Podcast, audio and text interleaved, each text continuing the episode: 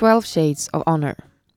Om du tror att detta är en podd som är kopplad till en bokserie med liknande namn så har du nog kommit lite fel. Däremot så är du hjärtligt välkommen att lyssna på en podd av Somaya kvinno och tjejjour som behandlar ganska exakt just det motsatta ämnet. Hej och välkommen till det här avsnittet. I dagens avsnitt har vi bjudit in Unison och Män. Eh, det är två organisationer som har samma vision, nämligen ett jämställt samhälle fritt från våld. Och jag är intresserad av att höra hur deras väg till visionen ser ut. Vilka är egentligen hindren på vägen dit? Men också, vad är egentligen maskulinitetsnormer? Vad handlar det om för någonting? Eh, hjärtligt välkomna hit, Olga Persson från Unison och Shahab Ahmadian från Män. Hej, tack. Tack så mycket. Tack för att vi får vara här. Ja, kul. Olga, vem, kan inte du börja presentera dig lite kort? Du fick en sån, båda ni fick en sån torftlig presentation av mig. Självklart. Eh, jag arbetar som generalsekreterare eh, på Riksförbundet Unison. Unison samlar 137 kvinno-, tjej och ungdomsjourer runt om i Sverige. Sammanlagt så har de jourerna ungefär 90 000 eh, stödkontakter Eh, med främst kvinnor och tjejer, men också ett par män och killar och några transpersoner.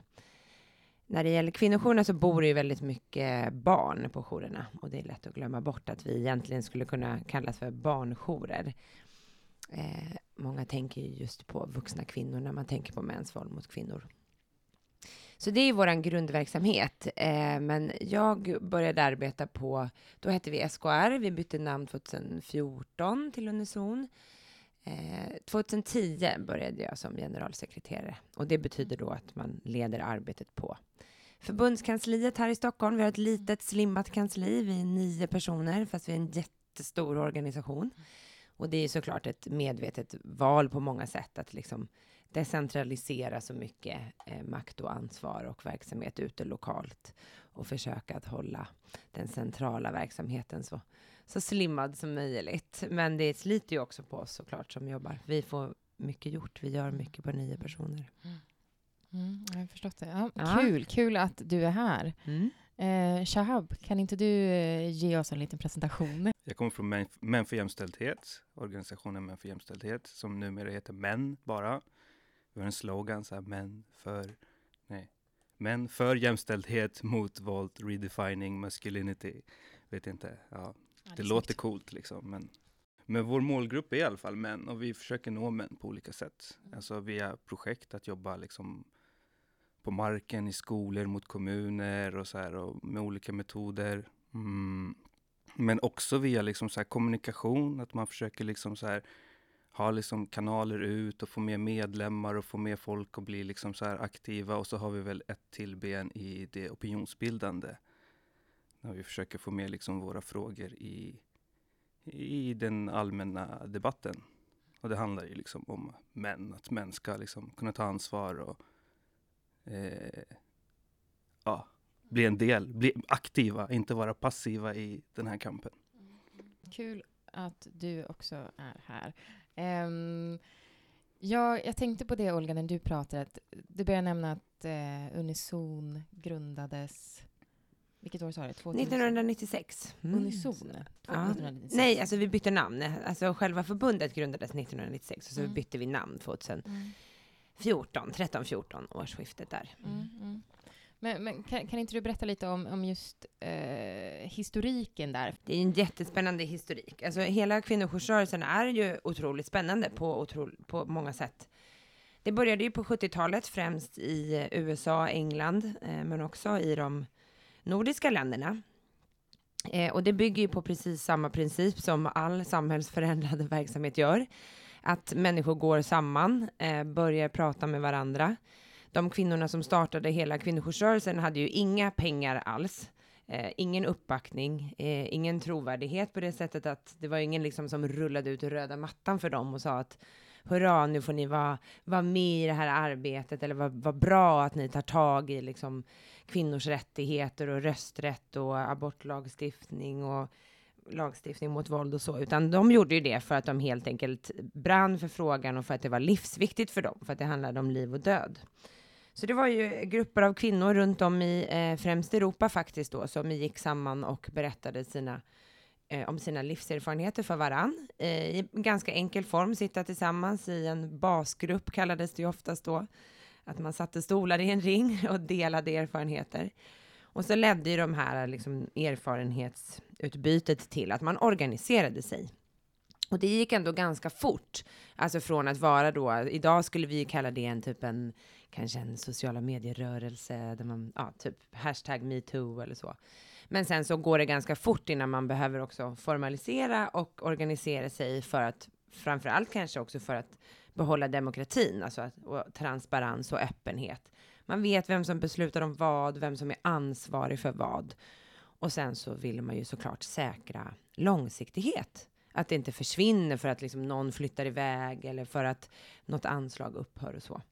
Och då startade man ju helt enkelt skyddade boenden.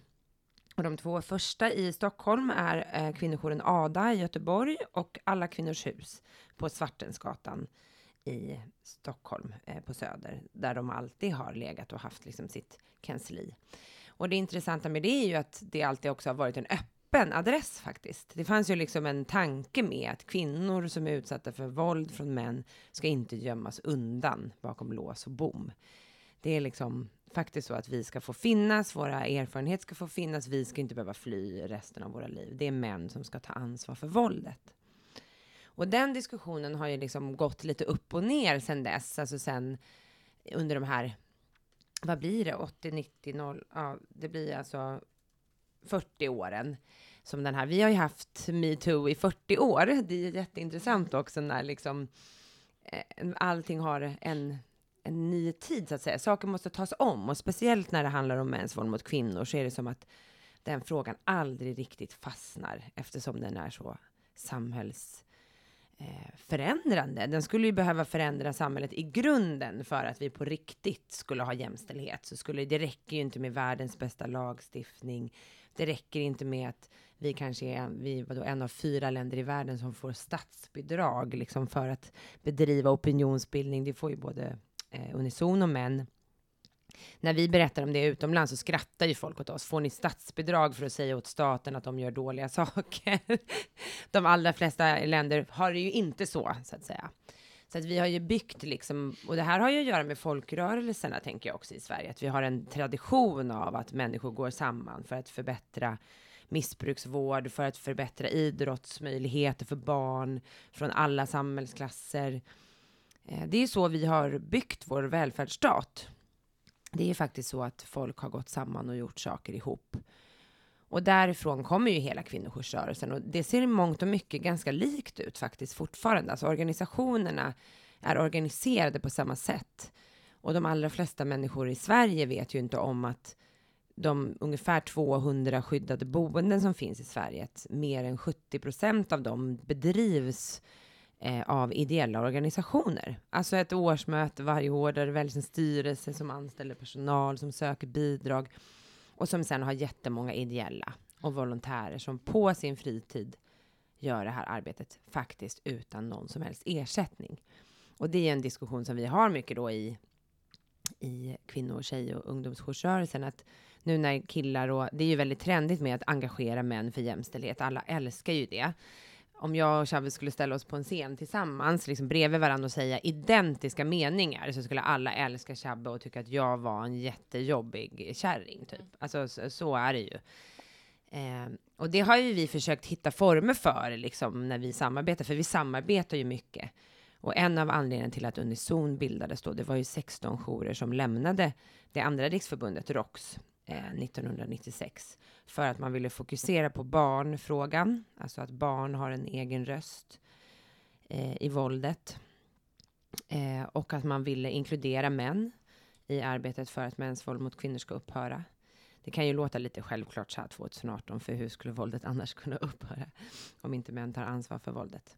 Jag tänkte, det är väldigt vi, jag som jobbar på en, en kvinno och tjejjour, mycket av vårt arbete handlar om att plocka upp när det inte har gått rätt, när antagligen det förebyggande arbetet inte har landat där det ska. Vi, plockar liksom, vi arbetar ju med kvinnor och barn som har varit utsatta för våld i olika dess former.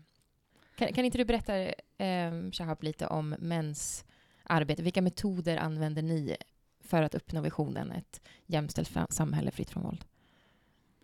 Ja, alltså det blir ju väl det förebyggande. Det är svårt att komma in och fungera som, vad ska man kalla det, det är stöd för män som utsätter. Det, det, det går ju typ inte, eller att vara psykologer. Alltså det, det, utan det handlar om att ändra en kultur. Och det är det vi pratar om när man pratar om maskulinitetsnormer, när man pratar om manlighet, så pratar man egentligen om en så här manlig kultur. Att vi män, vi växer upp i en värld där vi blir lovade massa saker. Eh, och sen så förändras världen och många män hänger inte med i det liksom. Eh, jag tänker att så här, många män som eh, känner sig så arga och kränkta över de rörelser som finns nu, att det handlar så mycket om att så här, men när jag växte upp, då blev jag ju lovad att jag är den goda människan. Och jag blev ju lovad att jag får vara lite sexistisk och lite rasistisk och så här. Men det är ju med glimten i ögat, för jag är ju ändå den Alltså det, finns, det krockar ju med självbilden någonstans kanske. Um, och, och, det är ju så, alltså så här, våra hjältar, alla hjältar vi växer upp med, är liksom så här, de löser ju saker med våld.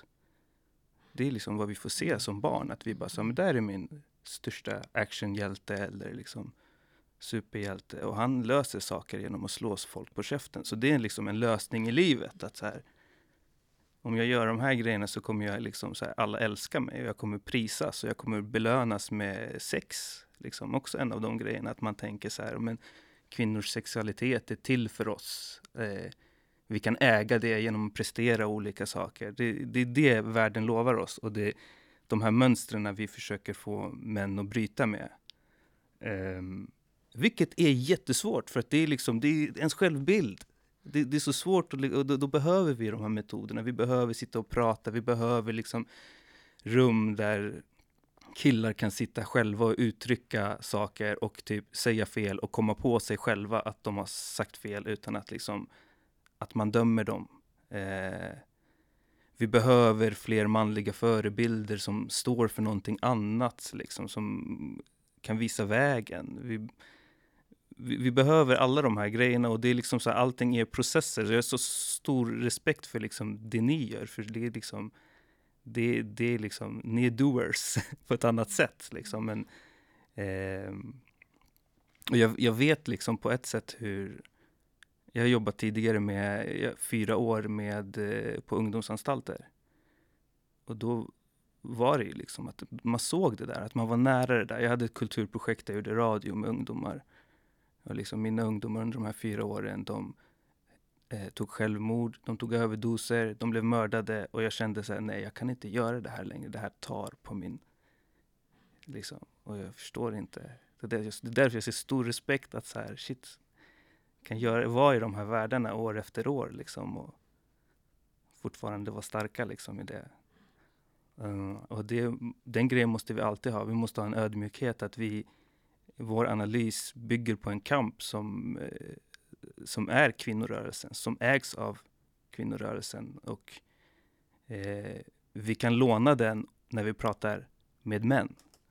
Det är jätteviktigt att förstå att så här, men vi är inte här för att ta plats från kvinnor eller eh, säga, alltså så här, också så här, många tror att så här, feminist snubben är den som vill att kvinnor ska få det bättre. Eller liksom så här, men det är inte vårt jobb. Det kan ju, det är ju kvinnor så mycket bättre på själva och, än, än, vi. Vi kan, vi kan snacka med andra män och försöka så här, öppna upp dörrar och öppna upp så här, nya förståelser för att försöka och vilja bli bättre och vilja se sig själv, vilja se så här, i vilka rum och sammanhang har jag makt, vilka sammanhang utsätter jag människor för någonting Eh, för det där krockar också med självbilden. Alla vill vara en underdog idag. Det är liksom så populärt att vara en underdog. Till och med Trump är så här, ja men jag har inte alltid haft det så lätt. Jag fick låna en miljon dollar av min pappa när jag började. Liksom det, den underdog-identiteten är liksom så här, vi, vi gillar den. Det är liksom en framgångssaga. Liksom, och det, det vi identifierar oss gärna som den. Så kommer någon och säger så här, men du är ju man, du har makt. Och då vill man inte så här,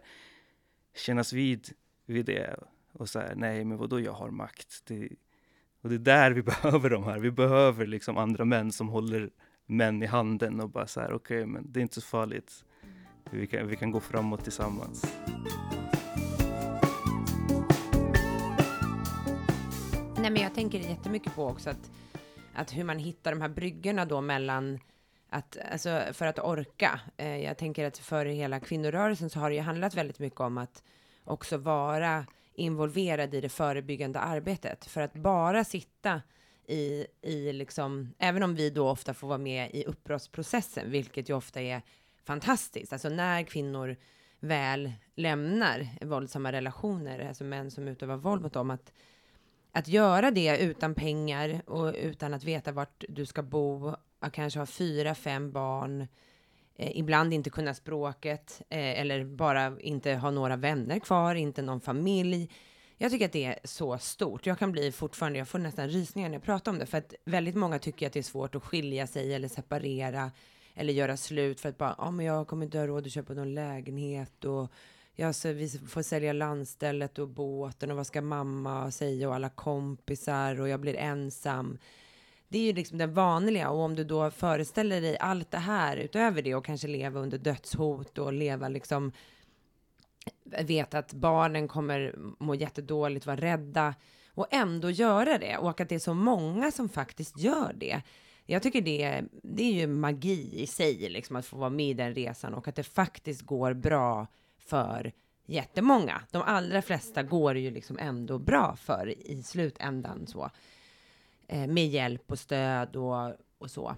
Men jag tror att om man inte heller får vara med i det här förebyggande arbetet, och det var ju ett jätteviktigt val för, som jag gjorde i, i Unison, att vi måste, erfarenheterna från oss som jobbar med konsekvenserna av män och killars våld, måste vara med när vi utformar eh, liksom det förebyggande arbetet. De erfarenheterna måste vara med och hittar vi bryggorna till varandra och att det inte alls är farligt och liksom tjafsa och bråka lite om det också. Hur ska tilltalet vara och liksom komma ihåg. Och det är också väldigt, väldigt viktigt för oss, alltså som bara jobbar med, med konsekvenserna av våldet, att faktiskt se att det absolut går att förebygga. Alltså att det, det hoppet finns, att det inte alls någon naturkatastrof att män måste utsätta varandra och kvinnor och barn för våld som en naturlag.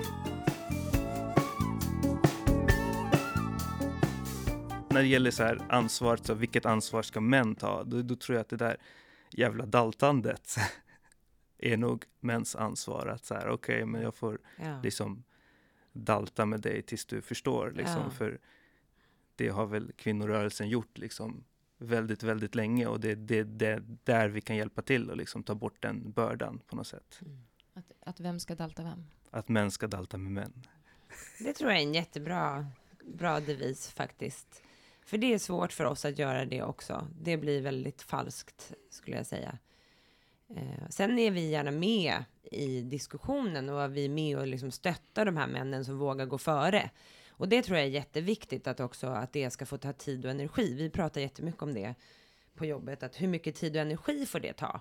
Att vi liksom ger massa underlag och pepp och stöd till de här männen som faktiskt vågar bryta bryta med liksom bilden av hur en tuff kille ska vara. Alltså hur ska vi ge nu låter ju det här lite liksom konstigt, men hur ger vi uppskattning och bekräftelse och cred till de killarna? Det är ju jätteviktigt för mig att vi verkligen gör det.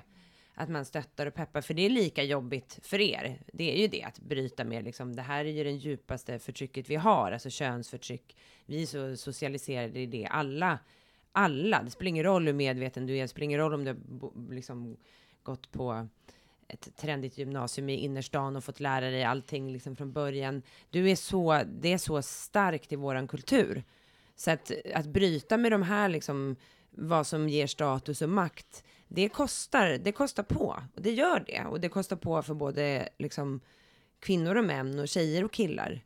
Eh, och det tror jag är otroligt viktigt att, och visa på att det faktiskt finns en rolig och peppig och intressant annan värld. För det gör det ju verkligen idag. De som vill bryta med de här grejerna kan ju faktiskt, i Sverige i alla fall, hitta ett annan, en annan plattform att verka i.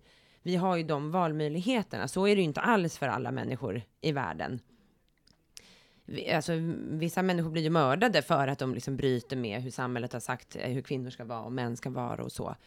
Men i liksom just i, i nutidens Sverige så finns det ju fler valmöjligheter än vad det gjorde till och med på 70-talet eller liksom ganska, alltså i nutid i vår föräldragenerations uppväxt.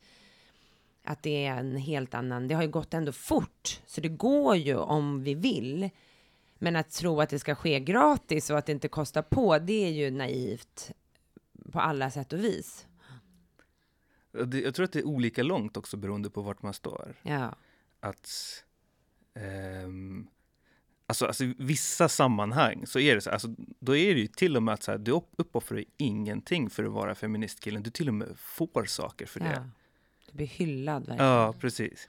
Medan i andra, andra rum så är det liksom så här, det krävs så mycket mer och bli medveten och förstå och liksom ta det steget. För att man tillhör kanske liksom en eh, social sfär som inte är tillåtande eller inte har kommit dit. Och det handlar också om det där, det där med, jag snackar om så här, men känslan av offerskap, att den, den kan ju vara äkta ibland. Att så här, men ur ett så klassperspektiv, ur någonting, något annat perspektiv så kanske du inte har makt. Och då är det svårt att identifiera sig med att du har makt. Och det där liksom vårt jobb blir att så här, vi måste förklara i de rummen så här att men du kan vara båda. Du kan liksom vara från landsorten, vara rasifierad eller liksom fattig och fortfarande liksom vara en del av patriarkatet. Det tar inte ut varandra. Man kan säga ibland är man inte på en maktposition och ibland är man på en maktposition och båda är sanna, båda världarna är sanna liksom. Och det, den vägen är, är svår. Och jag som kvinna blir fortfarande alltid rädd för dig när du går emot mig på gatan. Även om du är liksom en näringslivssnubbe som är liksom vit och 50 år. Eller om det är liksom ett ungdomsgäng med killar från Botkyrka. Jag kan inte veta vem av er som är våldtäktsman. Och det är jag, har jag vetat sedan jag var tre år, fyra år. Att jag inte kan veta det. Och det är det som är så skillnad med könsförtryck i relation till andra saker. Killar kan ju, gör ju en bild, när det kommer ett gäng killar emot dig så gör du liksom en avskanning. Hur mycket våldskapital har de här killarna? Kan jag liksom slå dem? Eh, är de, tränar de fighting? Alltså allt sånt här. De har olika system. Vi har ju inte, kvinnor har inte det systemet. Vi kan inte veta. Jag blir, den kroppsliga reaktionen hos mig är likadan. Även om det är liksom en gammal gubbe. Ibland har jag tänkt själv, men det där är ju en 75-årig gubbe. Klart jag kan springa ifrån honom. liksom. Men det kommer i kroppen. Det sitter så djupt i mig, liksom, fast jag egentligen inte går runt och är rädd. Men det kommer en notering, liksom en, en, en programmering jag har i min hjärna, att jag skannar omvärlden på ett annat sätt. Och ofta män som inte förstår det här, som tar, ja men jag är ju ingen våldtäktsman till exempel. De brukar ju ibland förstå när man gör den liknelsen att om det kommer ett gäng liksom fulla tjejer gående mot dig på gatan så går ju inte du över på andra sidan gatan för att vi skrattar högt eller så. Medan jag alltid gör det. Eller gör en beredskap liksom. Kollar om det är andra människor runt och så. Och då är de så här, aha, är det så för, är det så för er jämt? Ja, det är så för oss jämt. Och det är så för oss över hela världen. Alla kvinnor jag känner. Alla tänker så. Och det är ju ändå liksom en, någonting som tar mycket energi från alla kvinnor och som är sorgligt. Och som blir ofta tydligt då för män eh, när de får döttrar eller liksom får barn. Precis som det blir för kvinnor kanske när man får, jag som har en son, att jag såklart ser hur jävla svårt det är för honom att byta med könsnormer på ett helt annat sätt. Det här med manliga förebilder är ju helt avgörande tror jag. Jag kan aldrig vara den personen för de här killarna. Jag kan vara någonting annat. Jag kan vara en feministisk kvinna som de liksom på olika sätt kan respektera eller så här, tycka om eller inte tycka om. Men jag blir ju aldrig den manliga liksom, förebilden. Det blir jag inte. Så jag tror ju verkligen också att samhället behöver de här rösterna från män som också har varit våldsamma eller sexuellt våldsamma på olika sätt mot kvinnor som berättar också om att de har förändrats. Och där vet jag inte riktigt om vi är redo ännu liksom, att ta emot de berättelserna, för då, det, det kryper i kroppen tror jag hos många att höra, ska han nu få tala ut och få massa likes och hjärtan och gud vad modig du är som berättar att du våldtog en tjej när du var 18, liksom. Men någonstans så behöver vi ju ändå ta emot de berättelserna för att killar ska kunna se att jag kan bryta med det, jag kan ta mitt ansvar och sen gå vidare. För annars, det är ju en sån ma massiv mängd med män som har de erfarenheterna, att de har liksom gått över gränser mot kvinnor och tjejer. Så att vi kan ju inte bara låtsas att de inte existerar. Det går ju faktiskt inte.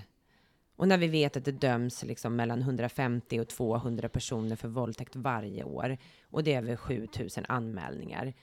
Så de få som döms är ju liksom inte representativa för liksom den stora, stora massan. Och så har vi ett jättestort mörkertal där man inte anmäler. Så på något sätt måste vi ju hitta de här liksom förändringsberättelserna också. Att det finns liksom en rörelse framåt. Men har vi då Donald Trump som leder världen och som liksom ser till att vi får en man i högsta domstolen som då inte ens kan kliva fram och säga jag gjorde det där när jag var i 20-årsåldern. Jag skäms över det. Jag tyckte det var riktigt dåligt. Jag, jag, skulle önska att det aldrig hade hänt. Alltså det hade ju i princip räckt, förstår ni vad jag menar? Att man åtminstone liksom sa att det här är frukt, eh, det här är så hemskt. Jag kommer också ihåg det precis så som hon kommer ihåg det.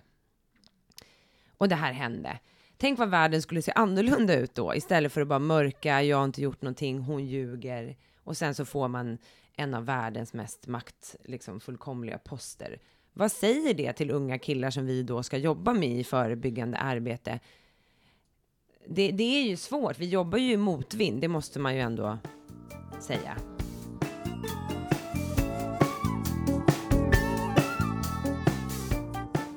Den här rädslan för förändring är ju det som så många gånger hindrar oss. Ja, men alltså så här, du kan ju inte utvecklas om det inte gör ont i kroppen. Det, det, det är det där, den där rädslan på, så när, man, pratar om träning och fotboll, då kan vi säga, ja men det ska göra ont för att du ska bli duktig. Liksom, så här. Men vi kan inte se det om liksom våra personliga processer, att så här, men det ska göra ont för att du ska kunna förbättras till det bättre, för att du ska kunna inse de här grejerna. Utan då är det okej okay att ha så här flyktbeteende och bara säga nej, det var inte jag. Lite. Du menar för att förändring verkligen ska vara på riktigt, det ska kännas? För att det ska, ja precis, mm. för att det ska ske i, liksom, i handling. Mm. För att det ska, jag ska förändras på riktigt, inte så här jag ska lära mig några nya ord eller liksom, det ska verkligen kännas i magen att mm. jag tog till mig det här. Och därför är det så här, jag brukar säga det till många unga, men om någon kommer och säger någonting till er att så här, ta inte det så hårt, utan se det som en möjlighet att utvecklas. Och det är mm. liksom, ni kommer undvika konflikt om ni säger tack. Mm. Och bara så här, tack, jag tar med mig det där. Ni behöver inte ens säga jag håller med. Det bara säg bara tack, jag tar med mig det där och gå och tänk på det. Mm. Tack för att du säger det till mig, att du vill visa. För ofta när man orkar bry sig att ge feedback till någon, att man blir arg över något som någon har gjort eller så, så är det ju faktiskt för att du bryr dig om den personen, att du vill ha kvar den personen i ditt liv på något sätt. Om du inte bryr dig, alltså när någon är ett as, alltså då behöver du ju bara aldrig mer träffa den personen. Alltså, och då blir det ju heller inga relationer. Det blir heller inga liksom varaktiga relationer. Och där tror jag är jätteviktigt från just när killar är små. Att inte lära dem liksom, it wasn't me. Att inte hela tiden, det var inte jag. Det ser man ju liksom när man, liksom barn som spelar lagsporter eller vad som helst, att de är så snabbt har lärt sig att säga, det var inte mitt fel. Istället för att bara, men det var jag som gjorde fel. Och se vad som händer då, testa. Du kommer inte liksom bli utesluten ur, ur gruppen Eh, om man då också samtidigt jobbar med gruppen. Och det är väl det som jag tror vi jobbar med i hela förändringsarbetet, att både jobba med hela gruppen, alltså det som kallas för universell prevention, alltså att alla ska få samma information eller lära sig mer. Och sen samtidigt då ha ett system för de som faktiskt bryter mot alla de här reglerna och beter sig illa. Hur gör vi med dem? För de måste också få en konsekvens, för annars ser alla det. det är ju som en, hela livet är ju lite som en skolklass. Alltså har man regler om hur man är en bra kompis och det händer ingenting för de som bryter det, då skiter ju alla i reglerna sen till slut. Det går ganska fort också, för det är som en arbetsplats, det är liksom överallt, att man behöver hitta och jag tror att om man jobbar med de här svåra frågorna som vi gör, som faktiskt handlar om vår sexualitet, vilka vi är, hur vi ser på våra kroppar, på våra nära relationer, på våra egna föräldrar och så här, då måste man ha de här äh, inbyggda systemen för att faktiskt eh, debriefa eller liksom ha olika typer av handledning eller se filmer tillsammans, läsa saker tillsammans, diskutera för att faktiskt orka. För att jag känner också att om jag slutar känna, alltså om jag slutar bli arg, slutar bli ledsen, då kan inte jag jobba med det här längre. Om jag bara blir liksom ett proffs som går in, kör min föreläsning, skiter i vad alla tycker, då tror jag att jag gör ett jättedåligt jobb. Jag tror faktiskt det. Vi brukar skoja på jobbet att man ska hetsa upp sig minst tre gånger varje dag om olika saker. För att det är faktiskt bra. Det är bra för frågan, det är bra för energin liksom i, i jobbet. Och om du inte blir arg och ledsen eller jätteglad när saker går bra, och det kan ju vara så här små töntiga saker då, att någon verkligen håller med oss om någonting som vi inte trodde skulle hålla med oss eller så, så blir ju vi jätteglada. Och då tycker jag att man ska få visa det. Man ska ju hylla de män och killar som verkligen är med oss i det här arbetet. Det finns ju inget fult i det. Det är ju bara, bara bra att också våga ge beröm. Vi är så himla skolade, många feminister är väldigt skolade i att vara kritiska också. Ja, men nu glömde han det här, nu glömde hon det där perspektivet. Utan faktiskt istället för att säga det här var ju jättemodigt, jättebra. Ja, för jag tänker, hur, ska, hur arbetar man kring det? Är det, som jag pratade om tidigare, förebilder? Att det, att det är viktigt att ha bra förebilder, både manliga och kvinnliga? Ja, och kultur. Mm. Alltså det, det är så mycket, det handlar om liksom så här, vad vi värderar för egenskaper och mm. det är där liksom kulturen kommer in. Det är där liksom den kultur som föräldrarna är uppväxta med, den, det som vi läser i sagor, det som vi ser i filmer, det som liksom vad världen säger till våra barn. Och det är så svårt ibland, alltså, till och med så här, att vara en medveten förälder, för det blir så här som om världen är emot en. Att det hade varit så enklare att bara så här, ja, lätt det hade varit om jag var dum. Just ju smartare man blir, desto dummare man känner sig. Ja. Men... Och att man blir ensam ibland ju. Mm. Av att vilja gå emot hela populärkulturen. Du blir ju väldigt, väldigt ensam i att liksom vilja ge barn och unga någonting annat ibland kan man ju känna så här, men vad fan, om inte ens föräldrar då kan enas om att till exempel åttaåringar inte ska spela GTA, som är ett jättevåldsamt dataspel, där till och med de själva har satt en åldersgräns på spelet. Det gör ju inte de för att de älskar barn så mycket, utan det är för att de vet att det är skit för barn att titta på det här. Och om vi inte ens föräldrar kan stå emot det, då undrar man ju liksom hur ska man kunna stå emot andra saker liksom i livet? Det kommer komma svårare saker än, än det i hur vi liksom ska lära våra barn att bete sig mot varandra eller liksom överhuvudtaget. Och så säger man så här, skolan ska jobba mer med värdegrund och köns... Ja, jo, men det måste föräldrar också göra. Alltså det kommer ju väldigt mycket hemifrån. Och den här liksom populärkulturen som vi lever i som är ju helt, när man börjar titta med de ögonen, liksom vad barn läser och ser på tv och så här, så blir man ju faktiskt ganska förvånad att det inte är fler killar som utsätter både varandra och tjejer för våld. Alltså de som också orkar stå emot. Det är ju magiskt eftersom budskapen ifrån alla de här liksom eh, Alltså, allt det här som nu barn sitter ensamma med i sitt rum, så var det ju inte när vi växte upp på samma sätt heller. Man hade liksom en tv i ett rum, alla tittade på typ samma program. Nu vet ju inte ens vuxna vad, vad liksom barn konsumerar för saker på liksom Youtube och överhuvudtaget alla sociala medier och sånt. Och jag tror verkligen att om vi inte vänder den skutan så kommer vi ju se att alla de andra insatserna vi sätter in, alltså allt värdegrundsarbete i skolan, alla projekt, att det liksom, de, ger, de får ju det motsatta budskapet från det hållet. Så vi måste ju på något vis liksom också prata om den världen som de ser jag bara tänker, även om du väljer bort de här programmen, alltså Paradise Hotel, alla de här, så är det ju så långa trailers till allting, före och efter alla program. Så att det är helt, du får ju se dem ändå, fast mm. du inte ens väljer att se dem.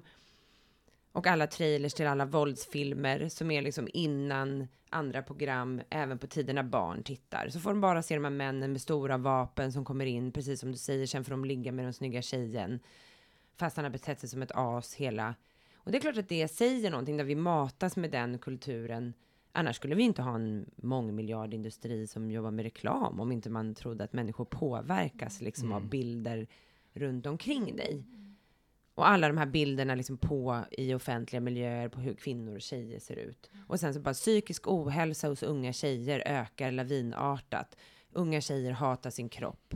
Man bara, men tacka fan för att vi hatar våra kroppar ingenting i kulturen säger ju att vi ska älska dem som de är. Faktiskt ingenting. Förutom möjligtvis då mamma eller pappa eller någon förälder eller liksom någon vuxen runt omkring. Som kanske orkar. Du ska älska dig själv som du är. Men det lyssnar vi inte på när man är liksom ung.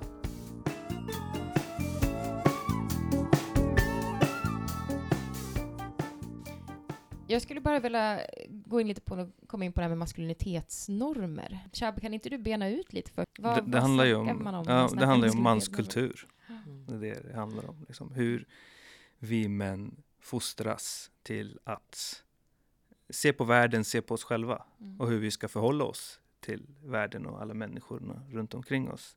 Och det är det, liksom det vi har pratat om mycket nu. Att det här med hur, vad vi blir uppmanade till hela tiden. Alltså så här, vi blir uppmanade till att eh, också så här, om man ska bara prata egenskaper, så här, manliga egenskaperna handlar ju ingenting om liksom ett omhändertagande om någonting, utan det handlar ju bara om att så här, prestera, vara bra, vara bäst och liksom så här, det är det våra hjältar har sagt till oss och vi ska liksom ligga mycket och vi ska alla de här grejerna som bara, vi ska vara hårda, vi ska vara, och det är så här, alla killar känner inte igen sig i det och blir så här, men jag har inte, men det det finns olika sätt att göra det på tror jag. Jag tror att i, i grund och botten så handlar det om, om att ta makt.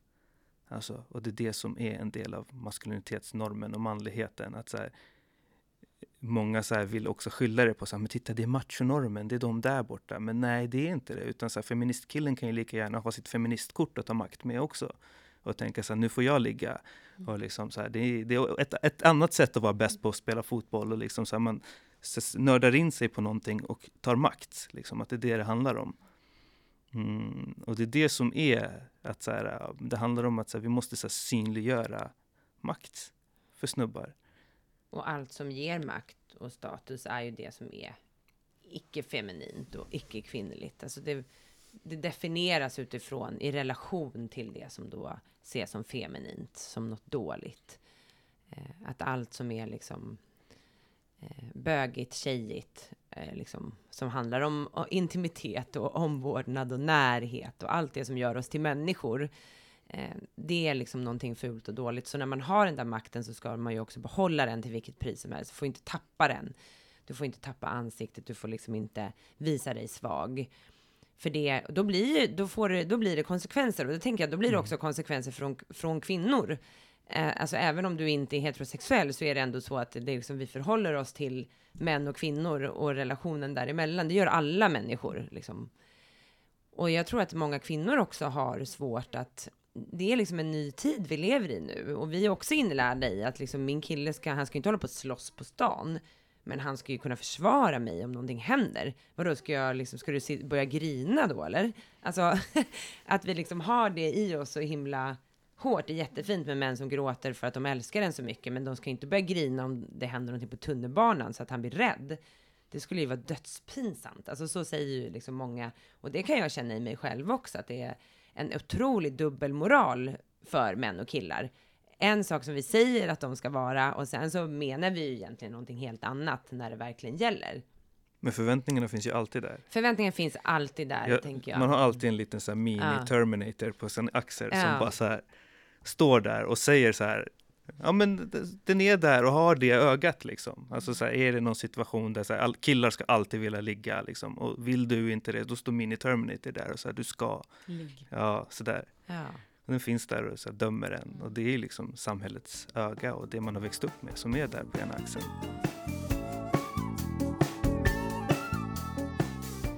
Men det intressanta tror jag i det här sammanhanget är hur man då får ihop arbetet med att jobba för att inkludera män och killar och få dem att känna sig som att de har någonting att faktiskt vinna på att få ett friare liv. För det är ju det som feminismen ändå i grunden alltid har handlat om, frigörelse för alla från liksom könsförtryck som drabbar oss alla. Och det tror jag att vi behöver påminna varandra om i en tid som den, att det är faktiskt inte någon, det är inte en tävling. Det kommer inte vara roligt för alla, man kommer tappa makt och man kommer behöva förändra sig. Men i slutändan så är ju målet ett liksom fritt liv för alla. Eh, och att det är mycket skönare att inte vara förtryckaren. Någonstans inne, innerst inne måste jag ju ändå tro på det.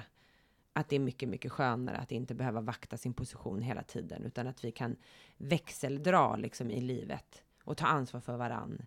precis som i en bra kärleksrelation, där man turas om att vara den starka och man turas om att vara den svaga. Och man hjälper varandra. Inte att någon alltid är svag eller någon alltid är stark. Det är inte så det ska vara heller. Kvinnor ska ju inte ta mäns plats och så får de sitta i och gråta ut. Det är inte det vi tar notan och liksom går och jobbar och de är hemma med barnen. Det är inte att vi ska byta plats liksom, som man ofta ibland ser också i, i liksom debatten sådär. Att det är det alla feministiska kvinnor önskar sig. Nej, jag önskar mig en jämlik och jämställd relation, både i arbetet och i mitt privatliv. Och att det även är utmanande eh, för kvinnorörelsen såklart, när det händer. För vi vill att fler män ska komma in och hur ska vi då göra det? Eh, så att det liksom blir så bra som möjligt för alla. Och det är jättespännande faktiskt att vara med i den processen och se liksom när män får berätta sina egna berättelser på sitt sätt utan att vi bannar dem liksom. Shab, har du, någon, har du någon slutkommentar på det innan vi rundar av det här ett och ett halvt långa Nej men jag tycker att alltså, så här, det, det är så viktigt att häm, hämta kraft ur de här grejerna och hämta kraft ur all förändring som händer och alltså, så här, det, det är det enda sättet att överleva på. Att så här, alltid så här, påminna sig, så här, men vad står jag för? Vad brinner jag för? Vad vill jag? Liksom att tänka liksom aktivt, tänka positivt. Är det så här, för att det är en tid av liksom massa gnäll också. Att så här, vi, det, är så mycket, det är så mycket lättare att säga kolla vad de gör fel Mm. istället för att säga så här titta vad jag, liksom, vad jag står för. Du tittar bara på partiledardebatten, ingen säger så här, det här är vårt, det, det vi står för. Nej. Alla står ju bara och pekar på varandra och säger Ja. så här, du är den dåliga och du står för skit liksom. Och det här klimatet har på något sätt så öppnat dörren, tycker jag, tror jag, för eh, andra rörelser att kuppa liksom kvinnokampen, ku- kuppa den feministiska analysen och vända den till sin egen fördel. Och det växer många sådana rörelser nu och som man måste ändå liksom så här hålla ett öga på, för de växer väldigt kraftigt liksom och de, har, de använder det till sin egen agenda liksom. Mm. Nu behöver jag inte nämna några namn, men ni vet säkert vilka det är liksom. Mm. Vi avrundar i den mystiken, eller? Ja, en cliffhanger. Ja, Cliffhanger, precis. Jag jag får eh, tacka så hemskt mycket eh, för er bådas deltagande.